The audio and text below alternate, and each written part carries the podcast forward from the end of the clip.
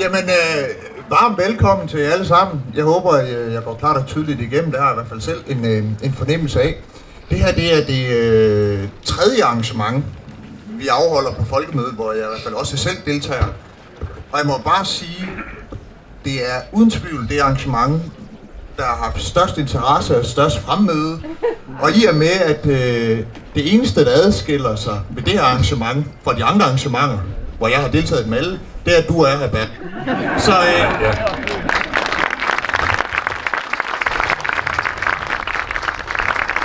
Jeg tror, fordi de gerne vil se dig i korte bukser og stikkelsbærben. tak. Det er jo sjovt, jeg har jo lige skrevet en bog øh, om øh, dannelse og pli og alt muligt andet, og så sidder jeg her i shorts, og jeg plejer om nogen at være efter folk, der har shorts på arbejde. Men øh, nu har jeg det selv, og øh, det må du gerne lade mig høre for.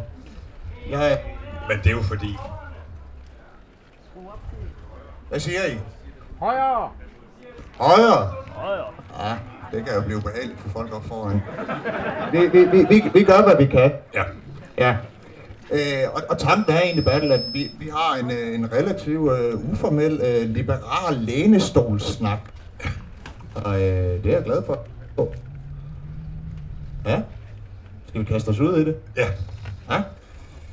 Noget af det, som jeg øh, stussede over, eller ikke stussede over, bemærket og bemærket positivt i, i forbindelse med din, øh, din anmeldelse af min bog, og det er ikke fordi, at jeg vil tale om min bog hele dagen, øh, og det er ikke på grund af den fine anmeldelse, at vi har inviteret dig i dag. Vi har faktisk inviteret dig inden, øh, men det hjælper dig selvfølgelig på, på, på stemningen. Men, men noget af det, som, øh, som du skrev i din øh, rigtig fine anmeldelse, det var, at du egentlig godt kunne have undværet, været for uden det kapitel i bogen, hvor jeg øh, deler ud af mine egne oplevelser med at have været syg af stress. Og du må sige til, hvis jeg lægger dig ord i munden, men jeg har jo tolket det lidt som, at, at du jo tilhører en generation, hvor øh, pligten fyldte, hvor øh, følelser og sårbarhed var tilladt, men det ikke var noget, man udbasonere i hele offentligheden. Og, og lidt i forlængelse af det, øh, så lever vi jo en tid nu, hvor, hvor det er jo på mode at krænke hele sit følelsesliv ud til en større offentlighed. Ja, tillader sig at komme i shorts til en fin samtale. Hvad tænker du egentlig sådan helt overordnet om den tid, vi lever i, øh, som øh, ældre, vis, tænkende mand? jeg skrev, at man måske godt kunne undvære det kapitel, men så gav jeg jo en forklaring på det. Nemlig, at du både i bogen og også i Folketinget har talt om det med mistrivsel, og har, på, har peget på, at det måske hænger sammen med navlebeskuelse og indadvendthed, og et middel imod det, det er øh, at lade være med at se sig som et offer, Mm-hmm. og i stedet finde en opgave i den ydre verden, så at sige. Altså ikke det ydre rum, men det ydre verden, hvor, hvor der er opgaver, og, og hvor man sammen med andre kan, kan gå ind i fællesskaber. Det er jo det, der er midlet mod mistrivsel, efter min mening. Hvorimod, hvis man føler sig som et offer, og jeg elskede jeres valgplakat, hvor der var sat en streg under, jeg er et offer, og så Jeg og der sat streg over. så stod der Ja, ikke under. i stedet for. Det, det er en af de bedste valgplakater, jeg har set, fordi jeg ved ikke noget værre end offertænkning. Der er nogen, der er offer for alt muligt, også for sygdom, Mm-hmm. men det hjælper altså ikke det allermindste at se sig selv som et offer. Det gælder om at få blik for ens øh, styrkesider, mobilisere dem, og meget gerne sammen med andre i de frie fællesskaber, som vi er enige om er vigtige. Fordi øh, demokrati, demokrati, demokrati er jo ikke det samme som, som politikerstyre, og det hele handler om at lave fælles regler. Demokrati er jo især civilsamfundet, alle de fællesskaber, vi er med i, uden at der, hvor der bestemmer. Og det er der, hvor man kan finde et formål med tilværelsen, Mm-hmm. så man ikke bare kigger indad. Ja, ja men, øh, og, det, og det ved du jo, jeg er enig i, fordi det, det har jeg jo øh, talt ofte om og skrevet om, at noget af den øh, mistrivsel, vi ser blandt unge, jo formentlig skyldes i høj grad, at man bliver for optaget af sine egne følelser af sig selv, Ja. og glemmer at kigge øh, ud mod alt det, der er større end en selv, og glemme sig selv lidt. Det har jeg i hvert fald selv haft øh, behov for. Det skal så ikke bruges til ikke at tage alvorligt, fordi psykiske sygdomme er jo sygdomme, som vi skal tage alvorligt. Mm. Men hvad Men tænker vi skal du? bare, det er et, krig, det, det er et krisetegn, når hver fjerde ung ser sig selv som, som et psykisk tilfælde. Ja, og hvad, hvad, hvad tænker du egentlig om den øh, diskussion, der foregår om, om unges trivsel? Øh, hvis, hvis jeg karikerer et synspunkt, så kunne det være, at det skyldes bare curlingforældre, og de unge er nogle klynkehoveder i dag, og de skal bare ud og engagere sig i nogle fællesskaber. Eller øh, tænker du, at det er faktisk øh, sværere at være ung i dag end tidligere? De sociale medier gør det sværere at være ung, fordi det betyder, at de unge, ligesom vi politikere, er på hele tiden. Mm. og så at sige er i konkurrence hele tiden, og skal være lige så meget ind, så lige så perfekte som, som de andre.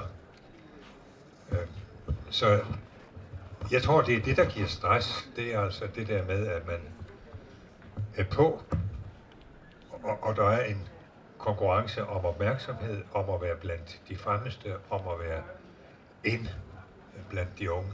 Det kan jeg levende forestille mig. Men det problem skal man jo adskille fra psykiske sygdomme. Ja.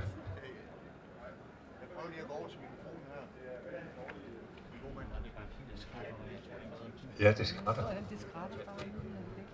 Ja, ja vi, vi, vi forsøgte os tidligere med det arrangement i dag, hvor, hvor headsettene også drillede lidt. Men mikrofonen, den driller ikke nær så meget. Øh, så, så, så lad os overgå til den, og så må vi jo øh, svinge den øh, frem og tilbage. Jeg kan jo sige, at det, som du jo måske intuitivt tænker, at sociale medier bi- bidrager til den, øh, den øh, mistrivsel, vi ser blandt unge, altså det er der faktisk også en del af nyere forskning, der viser, at, at der, hvor man så en ret stor stigning, øh, særligt i USA, i unges mistrivsel, det var faktisk i forbindelse med øh, særligt Instagram og Facebook vandt frem. Øh, så det forholder sig ikke sådan, som vores nuværende øh, statsminister påstår, at det er skærme, der er farlige, men at sociale medier måske godt kan have en, øh, en slagside. Giver det et, øh, et dilemma for, for sådan nogle øh, frihedselskende, liberale markedstilhængere som os, at, at nye digitale opfindelser måske har en slagside, eller er det noget, der skal reguleres gennem civilsamfund og god dialog? Jeg synes i hvert fald ikke, at løsningen er at lave statslige regler og vedtage i Folketinget, at nu må eleverne ikke dit, og nu må de ikke dat. Altså, hvad har vi skoleledelser til? Hvad har vi skolebestyrelser til? Hvad har vi lærere til? Altså, det må man da selv finde en løsning på. For de er jo lige så kloge, som vi er. Altså, det fundamentale for en liberal, det er jo, at man betragter kommunalbestyrelsesmedlemmer og skolebestyrelsesmedlemmer og lærere og ledere som lige så kloge som os. Altså, det er ganske svært at acceptere, ikke? Men, men det er, det er det, der er fundamentet for en liberal tænkning, for så tør man også tage den risiko, at der er nogen, der begår dumheder.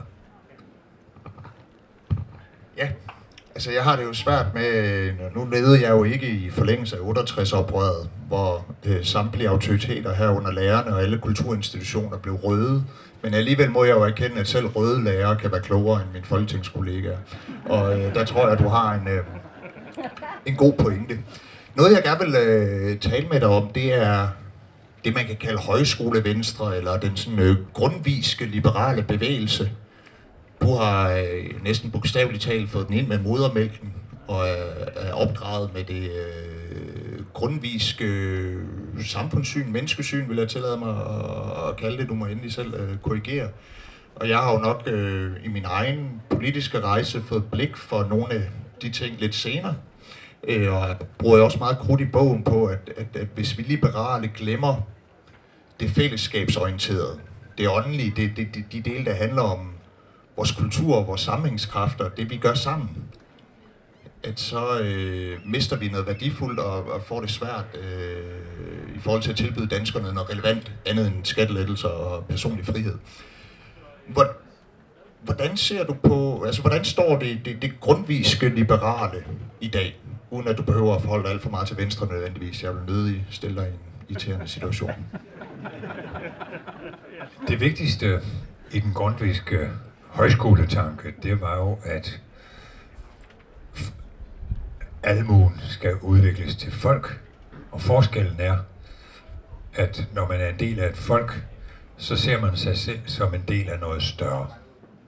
Og det var det, han mente var nødvendigt, hvis vi overhovedet skulle have demokrati, hvad han var stærkt betænkelig ved. Men skulle vi endelig have flertalsstyre, så skulle borgerne være oplyste og lære at se sig selv som en del af noget større. Og det, det er det nationale, men det er også det lokale. Alle de sammenhænge, vi indgår i, hvor det jo altid har været folkehøjskolernes program, at, at eleverne skulle, skulle gå ud og blive aktiv i foreningslivet. På min forældres højskole, der havde man noget, der hed delingsføreruddannelse, og det var altså fordi, man kunne uddanne sig til at blive gymnastikleder. Og DGI levede jo af disse amatørledere, som bare havde været på højskole. Og det synes jeg er noget af det smukkeste. Civilsamfund er jo vores demokratis grundvold. Og tidligere, så blev de folkevalgte jo ofte rekrutteret fra foreningslivet. Hvad enten det nu var fagforeninger, eller landboforeninger, eller gymnastikforeninger, eller sangkor. Altså det var lokale ledere, der kom i Folketinget. Sådan er det jo ikke mere. Det må vi simpelthen se i øjnene.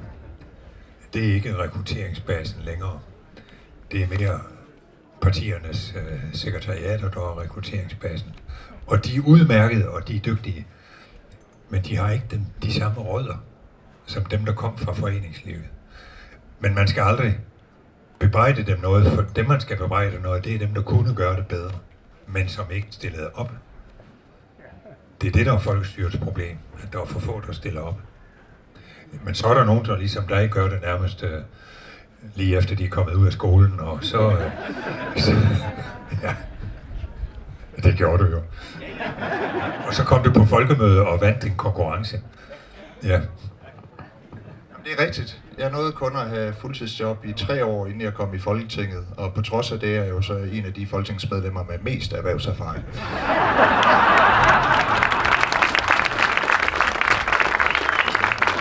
Men der er jo øh, noget interessant ved det, du siger, fordi du har jo fuldstændig ret i, der er jo sket den udvikling i vores, øh, vores samfund, vores øh, kultur, vores øh, folkestyre, at dels så står partiorganisationerne jo, jo, jo svagere.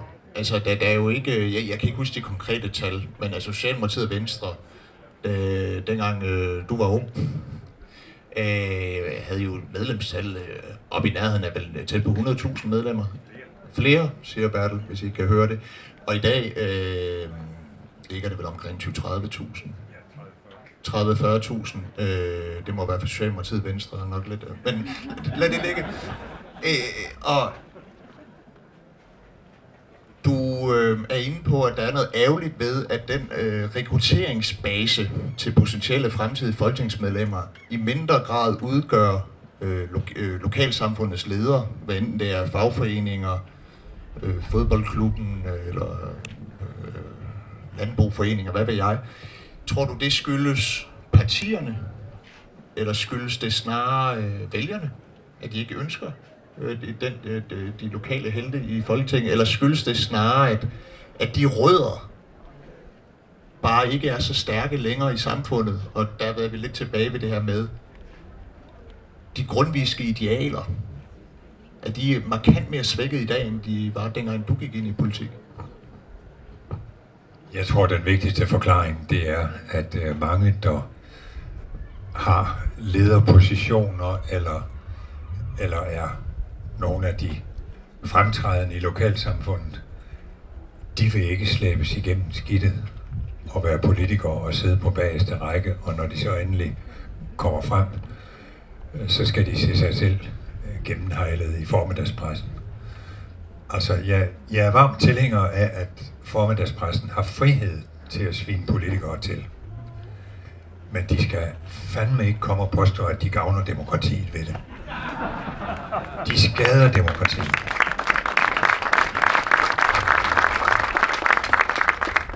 Hvor er det godt, at du bruger udtrykket formiddagspressen. Øh, det, det, det sætter jeg stor pris på. Øh, det kan godt være, at det bliver lidt et banalt spørgsmål, som du indirekte har svaret på, men er det, er det blevet sværere at være politiker i dag? Altså, du, du, du var jo folketingsmedlem fra, øh, uh, jeg skulle til at sige 71, men det tror jeg, hvornår? 75. 75. Øh, og helt frem til 2019. Øh, hvordan har du oplevet den tid, der er gået i forhold til det at være politiker? Altså, hvad, hvad har ændret sig mest markant? Både i forhold til formiddagspressen, men, men måske også i en bredere forstand. Det er nemt at beskrive. Da jeg startede i 70'erne og temmelig hurtigt blev næstformand i Venstres gruppe, der kunne vi på min formand Henning Kristoffersens kontor holde møde med hele pressen ved et lille bord. Der sad Tage Jensen fra Venstrepressen og Lisbeth Knudsen fra Berlingske og senere det nye Aktuelt, og så havde vi Elisabeth Asger Olsen fra Radioavisen og Ben Stuckert fra TV-avisen, og så havde vi også en fra Politikken. Om det var Elisabeth Svane eller anden, det ved jeg ikke. Øh, allerede dengang. Og det var den danske presse. Og altså, jeg, jeg var selvfølgelig totalt imod Danmarks Radios monopol, men det var godt nok lettere at være politiker, da Danmarks Radio havde monopol. Når jeg skulle ud til møde om aftenen, så fik jeg at vide, at jeg skulle skrive 10 linjer om, hvad jeg ville sige. Det gjorde jeg, og når jeg så kørte hjem i bilen om aftenen kl. 11, så kunne jeg i 11 radioavisen høre, hvad jeg selv havde sagt. Det havde jeg lært af Palle Simonsen, som var en fremragende politisk ordfører for de konservative. Ting var meget simple. Og så sammenlignet med i dag, hvor der er døgnmedier, og hvor dertil kommer de sociale medier, som man jo så at sige selv skal holde i gang, som du selv gjorde så fremragende på TikTok.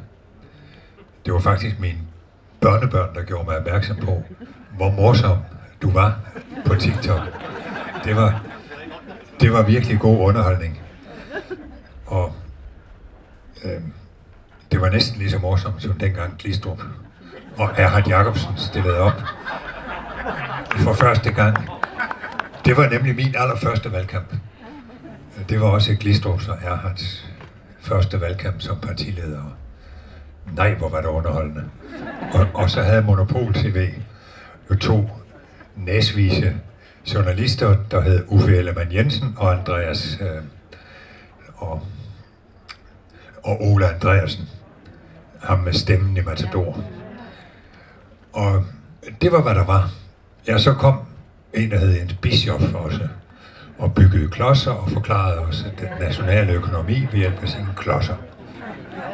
Det var virkelig enkelt. Og se så det kaos, der er i dag. Men det kan jo ikke være anderledes. Altså, vi skal hverken have forbud mod noget, eller indskrænke friheden. Vi må lære at leve med det. Og så kan man trøste sig med, at dengang man fik bogtrykkerkunst, der var der jo vild bekymring. Tænk, hvad folk kan skrive og sprede af mærkelige ting, som også er ugudelige. Det var jo forfærdeligt. Og da man fik tegneserier, så nedsatte undervisningsministeriet et Vagn, et Vagn Jensen-udvalg om, hvordan man nu kunne imødegå denne fordærvelige amerikanske gift, som ungdommen ville blive indpået med, og hvor de ville blive forhindret i at læse bøger, fordi tegneserier var så let fordøjelige. Tænk, et stort udvalg kom med en lang betænkning, og det hele var vrøvl. Vi overlevede. Og så var det jo lige så galt, da Radio Mercur så blev lagt ud i Øresund, øh, som sendte underholdningsmusik. Så skrev Johan Fjord Jensen sin bog Homo Manipulatus, det manipulerede menneske, hvor han var dybt bekymret over denne amerikanisering, denne ødelæggelse af kulturen. Og det hele var vrøvl. Det hele var vrøvl, fra A til Z. Fordi menneskenaturen er altså sådan, at man, man, man lever med det. Og de her sociale medier, dem vil vi også leve med. Det er jeg overbevist om. Vi skal bare være opmærksom på, at de ikke fortrænger skoleundervisning og så videre. Selvfølgelig skal børnene der holdes til bogen. Det har de til, skulle til alle tider. Bogstaveligt.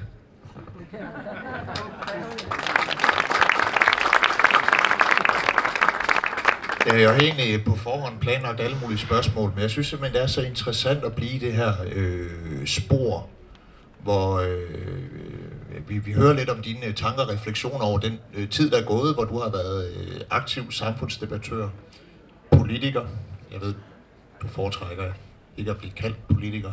Det kan du måske også sætte et par, par ord på, men, men det har du jo øh, trods alt været. Og du beskriver jo den her tendens med, at der kommer nye teknologier løbende, og så bliver vi bange, og så finder ud af, at det nok går alligevel. Og lige for tiden er det skærme. Hvis man spørger Mette Frederiksen, så er det jo alt, vi skal være bange for.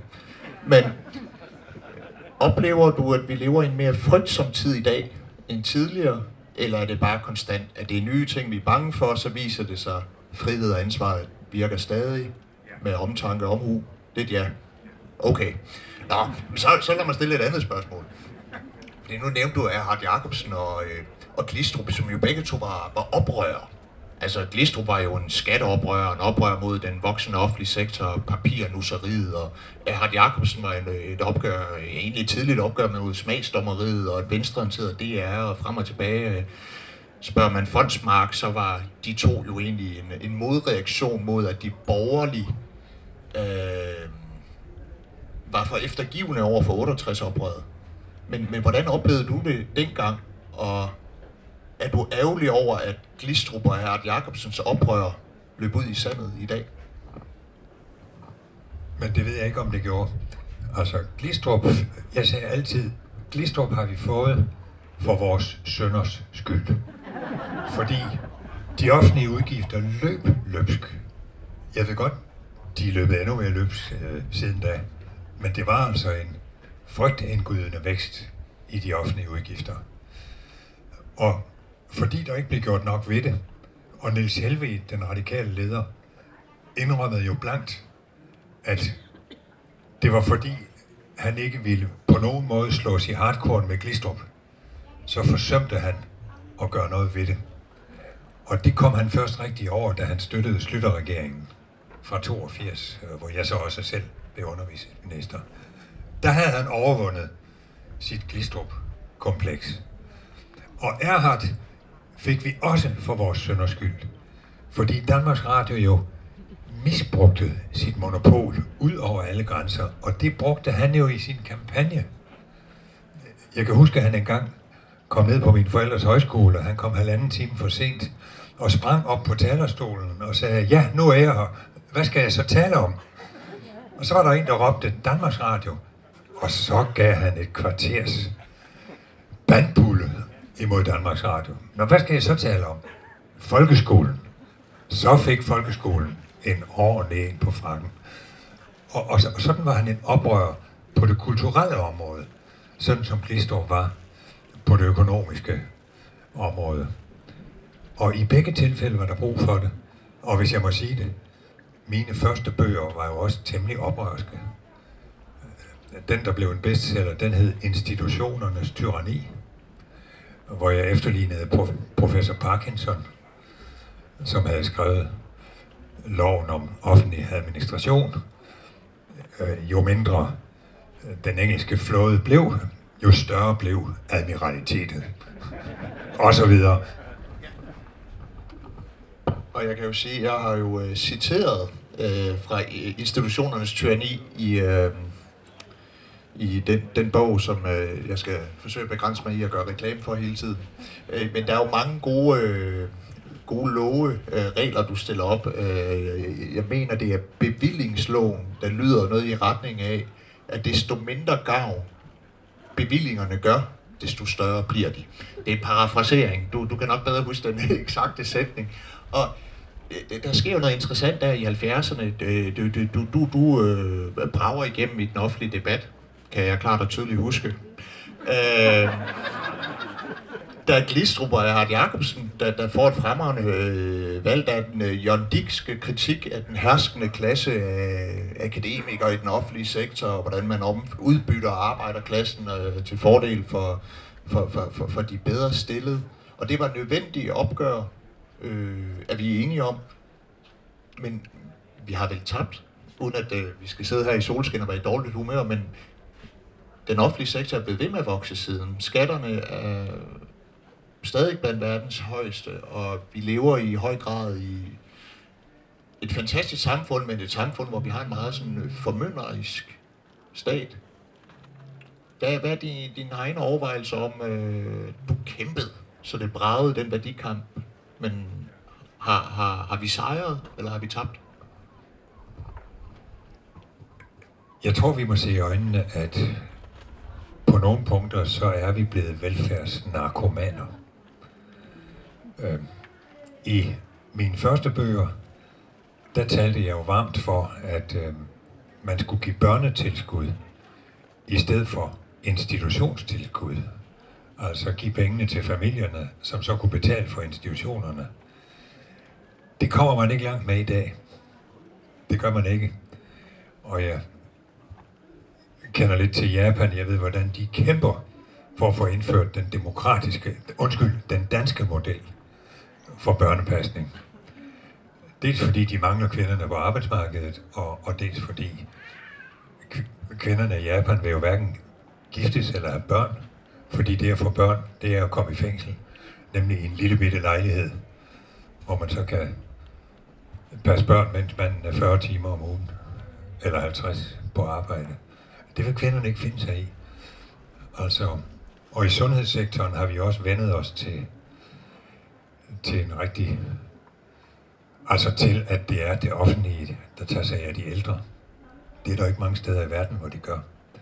Men det er der jo ikke, du tør heller ikke gå til valg på, at nu skal det offentlige ikke interessere sig for børnepasning og ældreomsorg.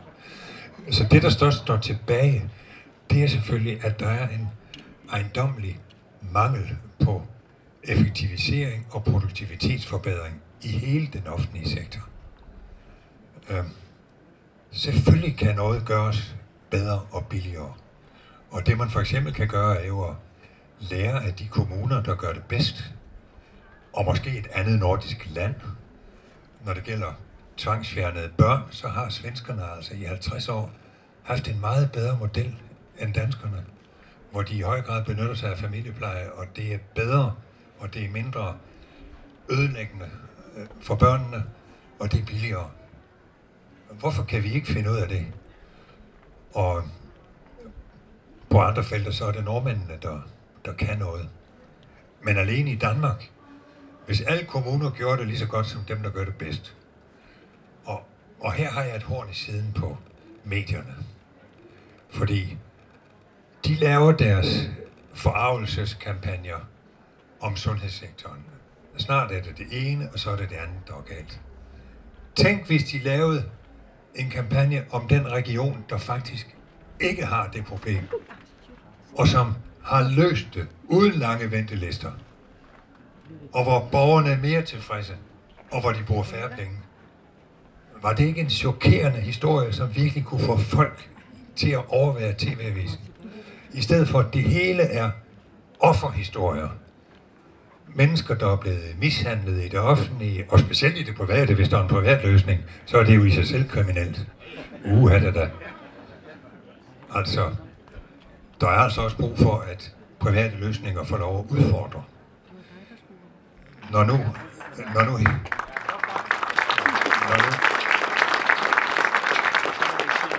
når nu mig Ejby på Dagmars Minde har fundet en model, som er bedre og billigere.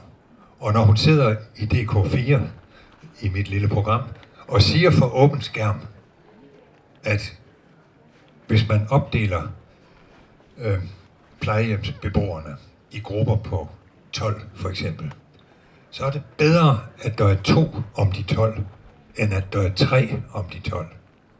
Tænk, det sagde hun på åben skærm. Og forklaringen er, at når der er to, så er de nødt til begge to at være nærværende. Og, og, og bare en snak mellem dem, så har man jo, hvis der er tre, så skal man jo til at holde møder, når man skal koordinere og så videre og så videre. Men det er jo sådan helt lavpraktisk. Nå, men du, du, du rammer jo lige ind i det emne, som jeg jo næsten øh, foretrækker at tale om, nemlig hvordan vi får et bedre velfærdssamfund. Og jeg kan blive så forarvet og øh, indigneret over øh, den øh, offentlige debat, vi har i forhold til vores velfærdssamfund, hvor jeg, hvor jeg alt for ofte synes, at, at det er som om, at vi i Danmark forbinder velfærd med at have et job i det offentlige. Vi har glemt, at det faktisk handler om borgerne. Det handler jo ikke bare om de offentlige ansatte. Og, og det, der er så øh, rørende og fint ved, ved Majbjerg Ejbys historie, det er, at hun tilbyder jo gennem sin egen hårde indsats og flid, og hun har løbet en stor risiko og har brugt en, øh, sparet en del millioner op for at starte det her øh, private demensplejehjem. Det er Danmarks første og eneste enkeltmands eget private demensplejehjem. Og øh, TV2 har lavet en fin dokumentar om det, hvor man følger de her ældre, der ofte kommer fra kommunale øh, plejehjem, og de er overmedicineret, de her demente ældre, fordi det er den måde, man har håndteret det på i det offentlige. Sige, uha, de er da godt nok besværlige, de her demente mennesker. Så skal de have noget beroligende medicin og noget angstmedicin og noget mod øh, skizofreni og hvad ved jeg. Og så bliver de helt slukket i blikket. Hvor, hvor det man ser i den dokumentar, det er jo, at de ligesom får liv i øjnene igen, og at medicin bliver erstattet med omsorg og nærvær. Og der, hvor jeg så kan blive rasende, det er jo i den periode, hvor og den dokumentar kørte på TV2 om Majbjerg Ejbys plejehjem, ja, der skulle vi behandle et forslag i Folketinget for enhedslisten om, at det skulle være forbudt at have profit på velfærd. Og hun havde jo beskeden overskud på en halv million øh, for et par år siden. Så skulle hun lukkes. Altså, tror du, vi borgerlige, liberale politikere og partier skal have mere mod til at sige øh, det samme som mig? men, men altså, øh, øh have, øh, have mod til at sige, at måske skal det ikke altid være det offentlige, der leverer det. Måske skal vi i stedet sætte det som et mål at det er offentligt finansieret, men det offentlige skal levere så lidt velfærd som muligt? Eller er det at gå for vidt? Nej, vi skal ikke dyrke det private, fordi det private er ikke nødvendigvis bedre. Det er ikke enhver privat skole, som er bedre end den nærliggende offentlige skole. Men det vi skal dyrke, det er muligheden for at levere offentlig service i privat regi. Og muligheden for borgerne for at stemme med fødderne at hvis det bliver for dårligt i den offentlige sektor, at de så kan gå over i den private sektor. Hvor svært kan det være? Altså, det burde jo være en selvfølge. Og hvis jeg må sige noget godt om den nuværende regering, så har den jo i hvert fald skrevet det rigtige. Nemlig, at nu skal kommunerne frisættes, og institutionerne skal frisættes. Og hvis det bliver til noget, hvis fagforeningerne ikke kvæler det, hvis gamle socialdemokraterne ikke kvæler det, så er der jo et perspektiv i det. Og så kan det være, at der kunne komme et år i Danmark, hvor der bliver færre regler i stedet for flere. Det bliver så første gang siden krigen.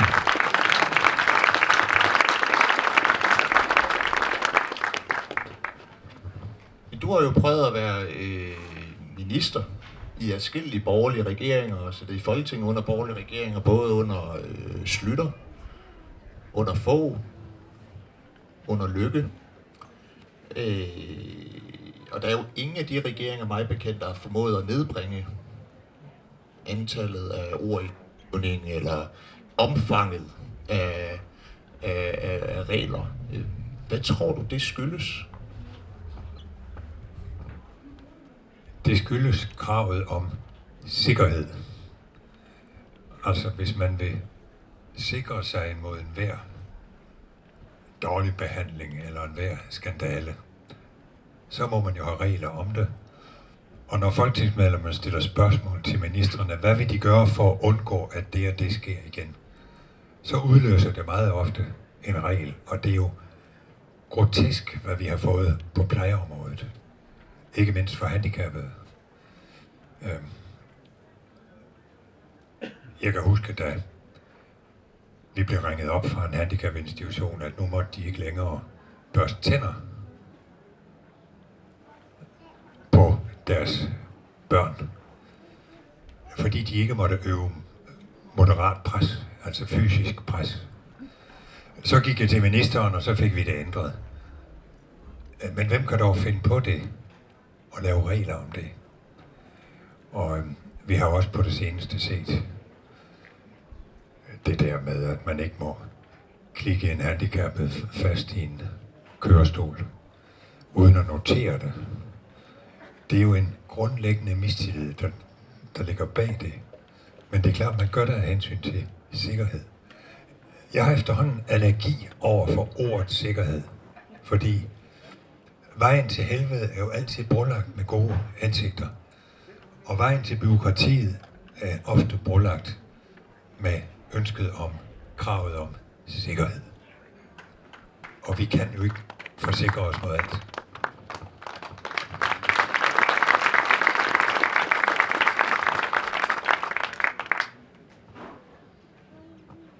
det ligger sådan hele tiden lige på spidsen af tungen af mig og spørge lidt ind til, fordi jeg er jo enig i alt, hvad du siger, og hvordan, hvordan, hvordan ser du på dit eget partis udvikling i forhold til øh, sikkerhedshysteriet, som jeg tror, du omtalte det for nylig, øh, i forhold til jorddoktrinet og omfavnelsen af øh, en meget stor offentlig sektor, øh, kan, kan du dele din, din overvejelse og refleksioner over øh, øh Venstres øh, udvikling gennem de sidste øh, 40-50 år, øh, uden at det skal blive til en debat om, øh, om Venstre nødvendigvis, fordi det, det, det gider vi ikke bruge al vores tid på. Øh, jeg var jo finansordfører omkring 1980, og det var mig, der skrev det kæmpe store sparekatalog, som vi havde med i lommen, da vi dannede Slytterregeringen. Og det tabte vi valget på. Det blev i den grad brugt imod os i valgkampen. Og det var sådan lidt en lærestreg for Venstre. Vi skulle passe på med ikke at blive beskyldt for ikke at kære os om de svage og børnene osv. Det var den ene lærestreg. Den anden lærestreg, det var i 98, da Nyrup kunne hjælpe med genvandt regeringsmagten. Og vi skulle se på de der fire fede fingre. Four more years.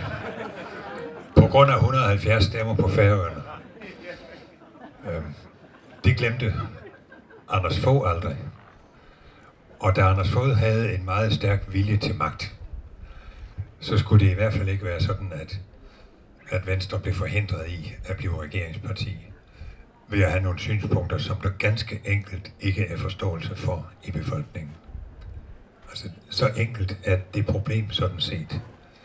Men folk er jo ikke dumme, og offentligt ansatte betaler jo også skat. Og der er mange, som har glæde af det offentlige, som godt kan se, at det er ineffektivt.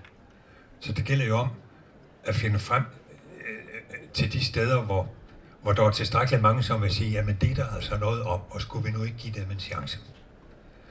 Og det var jo ærgerligt, at, at dit parti kvejede sig totalt, øh, da I var med i Lykkes sidste regering. Og Anders Samuelsen sad op i træet og, og troede med at skyde sig selv, hvis ikke vi gjorde, hvad han sagde. Altså, det var jo ikke nogen god erfaring. Ja. Altså... Ja, det, jeg synes jo faktisk, at øh, jeg har jo virkelig behandlet dit parti med fløjlshandskerne på. Og jeg har bidt mig selv i tungen, hver gang jeg har lyst til at komme med en sarkastisk bemærkning om Danmarks liberale parti. Men jeg vil jo øh, øh fortsætte med at udøve øh, selvkontrol, øh, og jeg vil lige gerne teste en, en hypotese af på dig.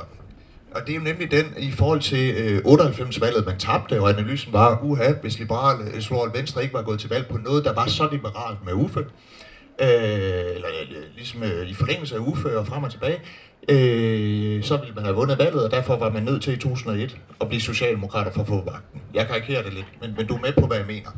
Øh,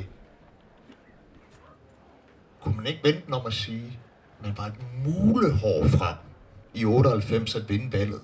På et ret liberalt ambitiøst program. Og hvis bare man havde holdt fast, så ville vælgerne i 2001 have straffet Poul Nyrup, fordi han havde mistet troværdighed i forlængelse af løftebrud om efterløn, Og så kunne man alligevel have fået magten på et liberalt program, hvor Claus Hjort-doktrinet, så at sige, måske ikke var nødvendigt for at sikre magten, men selv hvis den var, så var det måske på den lange bane et nederlag, fordi at man, øh, jeg skulle til at sige gøde jorden, at man forsømte at gøde jorden for reelle borgerlige reformer. Øhm, jo, men jeg synes ikke, du skal glemme, at øh, det var Anders Fogh, der opfandt skattestoppet. Og jeg var med til, jeg sad i lokalet, da det blev besluttet. Selvom jeg sad i parlamentet, så var jeg med i ledelsesgruppen. Og det var bestemt mit råd, at valgløfter om skattelettelser, det skræmmer folk. Men et valgløfte om skattestop, det skræmmer ikke nogen. Og det synes jeg faktisk var ret genialt. Og derved undgik vi også at skulle gentage dumheden fra 77 og fra, hvornår var det? Jamen det var også fra 98, hvor, hvor Mimi Jacobsen jo fik Venstre med til at foreslå, at lejeværdien af egen bolig skulle afskaffes på fire år. Det er noget af det dummeste, og vi tabte på det begge gange. Fordi så kunne Socialdemokraterne bare lave annoncer med regnstykker. Hvor meget sparede Uffe Ellemann i, i sin strandvejsvilla? Hvor meget sparede han? Og hvor meget, meget ville arbejdsmand Sørensen spare? Og så tabte han det valg. Det var faktisk det, han tabte på i 98. Så, så det med skattestop, det synes jeg faktisk var, var ret genialt, at vi fandt på det. Og havde vi holdt fast i det, så havde, var skatterne jo også faldet, fordi det var jo i kroner og øre. Altså, det var jo ikke sådan, at de skulle stige med, med alt andet. Det var et rigtigt skattestop. Så værre var Anders Fogh altså ikke. Det synes jeg ikke. Men noget andet, jeg synes, vi snakker for lidt om, og som jeg gerne må rose dig for, det er den kulturelle dimension i dit univers. Fordi du taler jo om dannelse, og du taler om kultur. Og det synes jeg, du gør på en rigtig god måde. Og det har jeg samtidig savnet ved mit eget parti. Og så kan jeg godt lide, at du i din bog gør så meget ud af civilsamfundet. Altså de foreninger og alt det folk kan finde ud af, uden at staten skal bestemme. Fordi min kongstanke, det var jo, at folkestyre er ikke det samme som politikerstyre.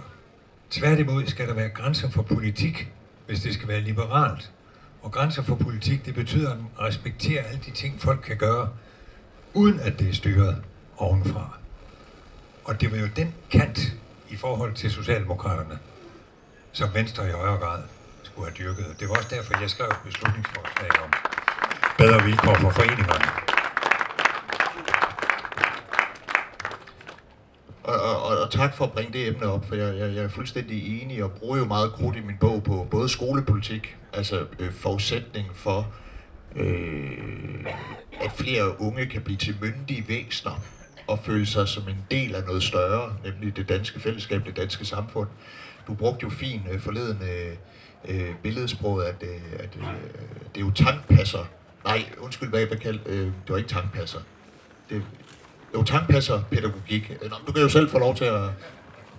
Jo, jeg berømmer dig for, at du i din bog vedstår, at du er tilhænger af tankpasser pædagogik. For i alle mine 15 år som undervisningsminister, så var det jo det værste.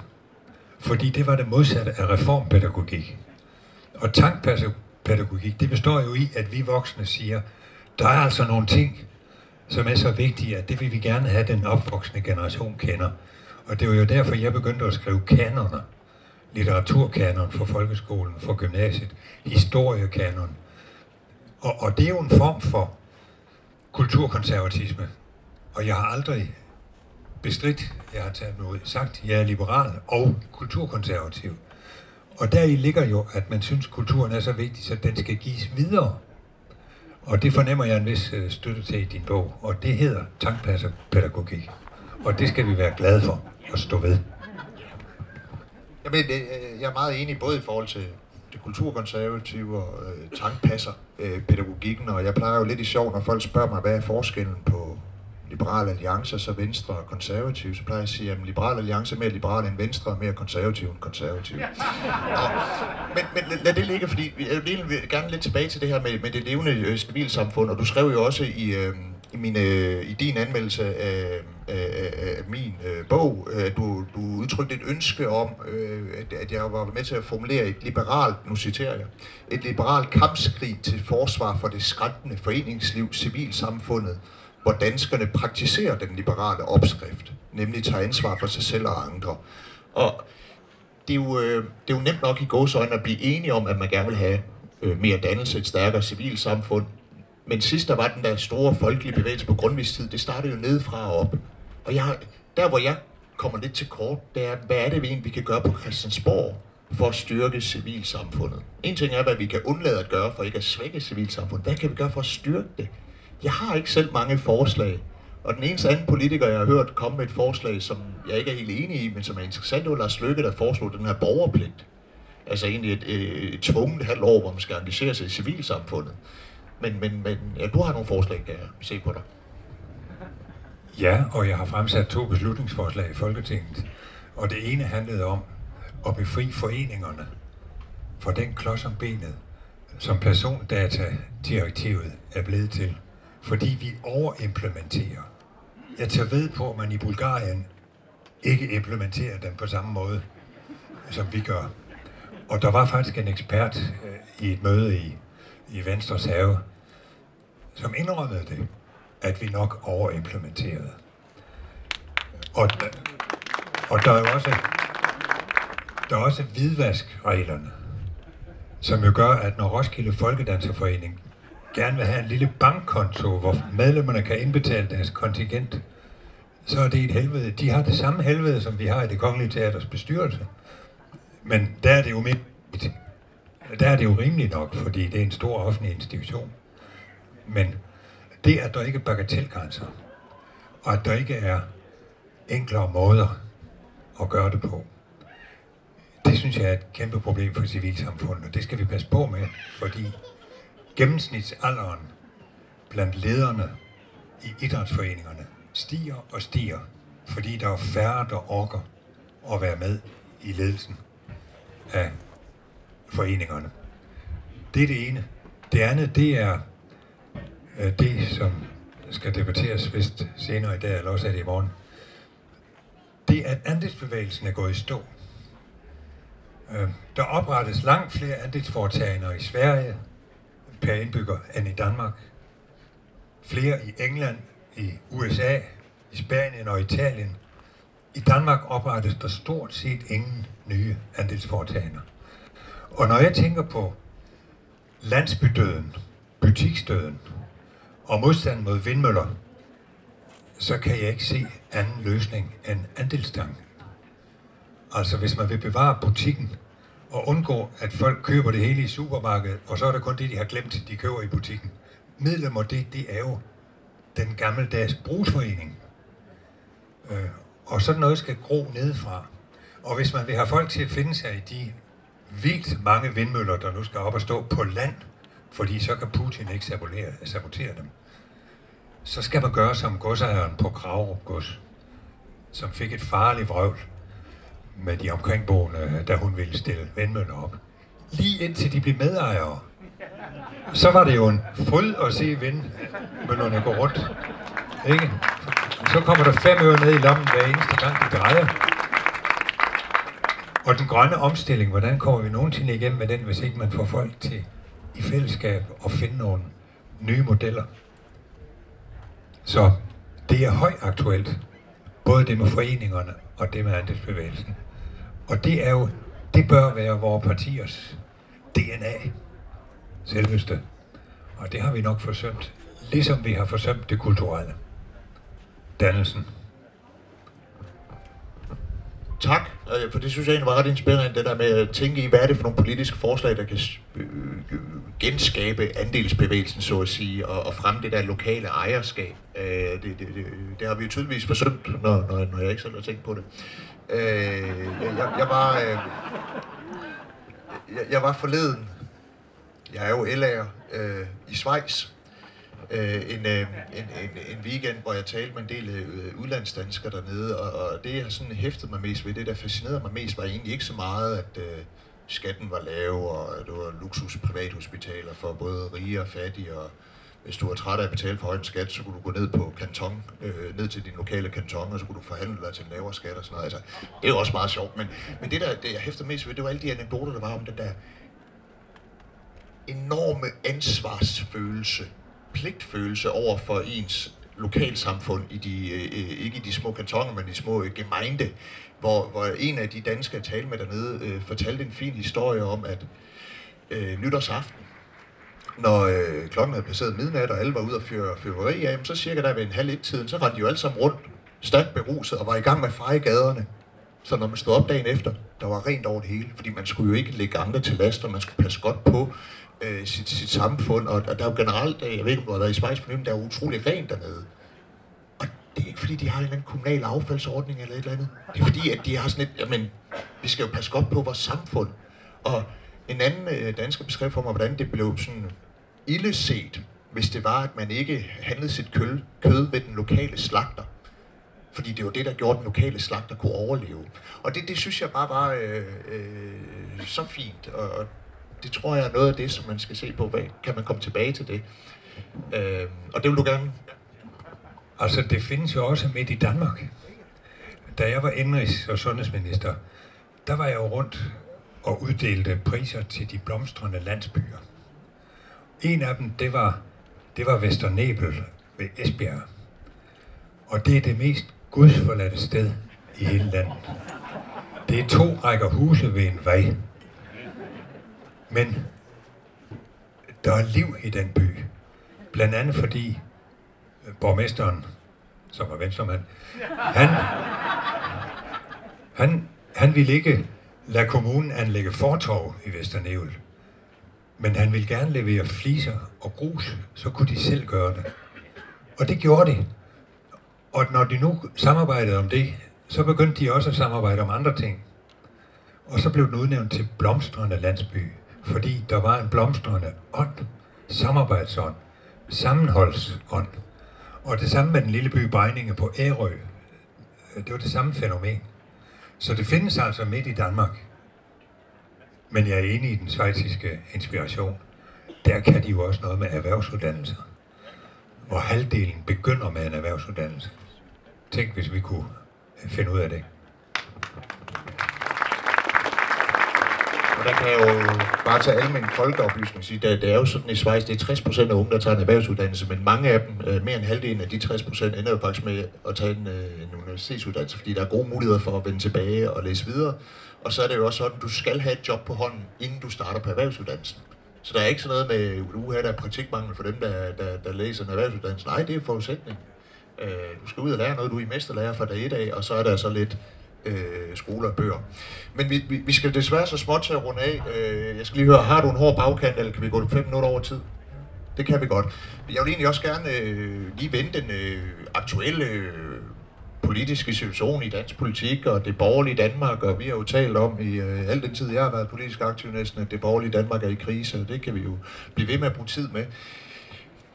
Hvad ser du som øh, det borgerlige Danmark, og her tænker jeg måske i en parlamentarisk forstand også, og ikke kun øh, på de høje navler. Øh, hvad, hvad er det borgerlige Danmarks største udfordring, og hvad, hvad, hvad, hvad, hvad er vejen frem for det borgerlige Danmark, hvis vi skal have et solidt, velfungerende borgerligt øh, flertal igen?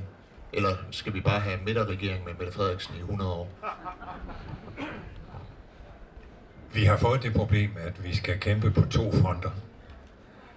For udover den venstreorienterede front, så er der også kommet den nationalkonservative front. Og Morten Messersmith og Inger Støjberg må gerne føle sig truffet. Og, og nu har Pernille Vermund så fået Martin Henriksen, så dermed så bliver de også nationalkonservative. Og hvis der er noget, jeg ikke er, så er det nationalkonservativ. Jeg er kulturkonservativ, men ikke tilhænger af at lukke grænser.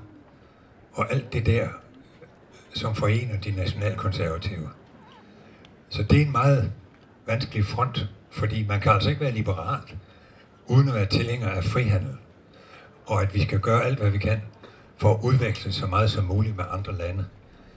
Øh, vi skal bare ikke være naive og lade Kina og Rusland få monopol på at levere afgørende dele i vores, af vores teknik. Men sådan var det jo også i sovjettiden. Der havde man øh, en aftale i Vesten om, at de og de ting, dem, dem gav man ikke til Varsjavepakten. Det er jo bare det, vi skal gøre igen, uden at vi skal lægge frihandel i almindelighed for had. Og det er der virkelig mange, der gør. Frihandel er blevet illeset, fordi man siger, at det var jo frihandel, der gjorde, at vi blev afhængige af russisk gas. Og nu er vi ved at være afhængige af, af kinesiske sjældne jordarter osv. Jamen, det er jo ikke frihandelens skyld. Det, der er jo ingen, der har sagt, at der skal være frihandel med alt. Men generelt at være betænkelig ved frihandel og åbne grænser, det synes jeg, vi skal bekæmpe. Og der får vi altså et slagsmål med de nationalkonservative. Og uden dem, så kan vi jo ikke danne regering. Så der har du også en hovedbil. Jo, jeg tænker, at alle har jo en hovedpine, hvis man ønsker en borgerlig regering. Men øh, jeg kan jo kan jeg godt høre, det er jo befriende som venstremand at sige, nu er det jer andre, der har aben. Øh, og og det jeg egentlig hørte dig sige, det er jo den der kløft, der er i det borgerlige Danmark, at den, den, den, den, den, den, den udgør en reel Øh, og øh, skal jeg sætte nogle af mine egne ord på, så kan man sige, det der bandt blå blok sammen op igennem nullerne, det var jo udlændingepolitik. Altså, det var jo en stram udlændingepolitik, der gjorde, at man kunne binde VK og DF sammen. Og øh, selv da man vandt valget i 15, var det jo stadig en stram udlændingepolitik, der gjorde, at det, det holdt nogenlunde sammen. Og så er der jo sket det i de senere år, at Socialdemokratiet er blevet strammere end de øh, fornuftige partier i Blå Blok. Øh, så man kan ikke længere vinde valg på udlændingepolitik, og hvis man skal stramme endnu mere, end vi gør i forvejen i Danmark, så skaber det større uro i øh, Venstres øh, gruppeværelse, og formentlig også i Liberale Alliances og Konservatives, fordi så begynder det at ske på bekostning af øh, nogle ting, vi, vi, vi gerne vil stå på, øh, på mål for, og, og, og derfor er det en udfordring. Men ser du den der kløft mellem de nationalkonservative og liberale, ser du den som så stor, at det er svært at forestille sig et velfungerende borgerligt liberalt flertal igen i dansk politik? Nej, sådan vil jeg bestemt ikke sige det. Men i øjeblikket har vi altså en Støjberg, vi har en Messerschmidt, som er svære at have med at gøre. Den ene vil ud af EU, hvilket jo aldrig kan blive en del af, af et borgerligt program. Og den anden vil lukke grænser, jo mere jo bedre. Det går ikke. Men det vi så kan håbe på, det er, at vi trods alt er bedre end alternativet. Og der har du ret i, at der har Socialdemokraterne jo gjort sig lækre ved at øh, kopiere vores stramme udlændingepolitik, så vi ikke kan vinde valg på det længere. Men undskyld, jeg tror da, vi er enige om, at der er så mange ting, der er uliberale i vores samfund, at vi behøver altså ikke udlændingepolitikken for at vinde valg. Det, det bør vi i hvert fald ikke.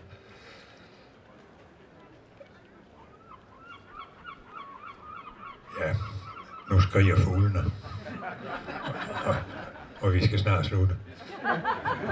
Men tak for en rigtig god samtale, og tak for din bog. Og jeg kan godt lide titlen på den.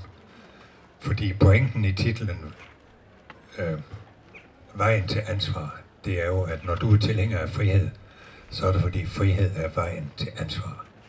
Det er altså en god pointe.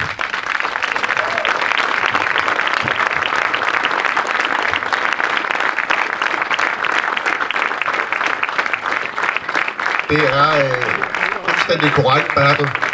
Og den kan man købe derovre og få signeret lige om lidt. Giv lige øh, for sidste gang en øh, stor hånd til Bertel. Tusind tak for, at øh, du har tid på det.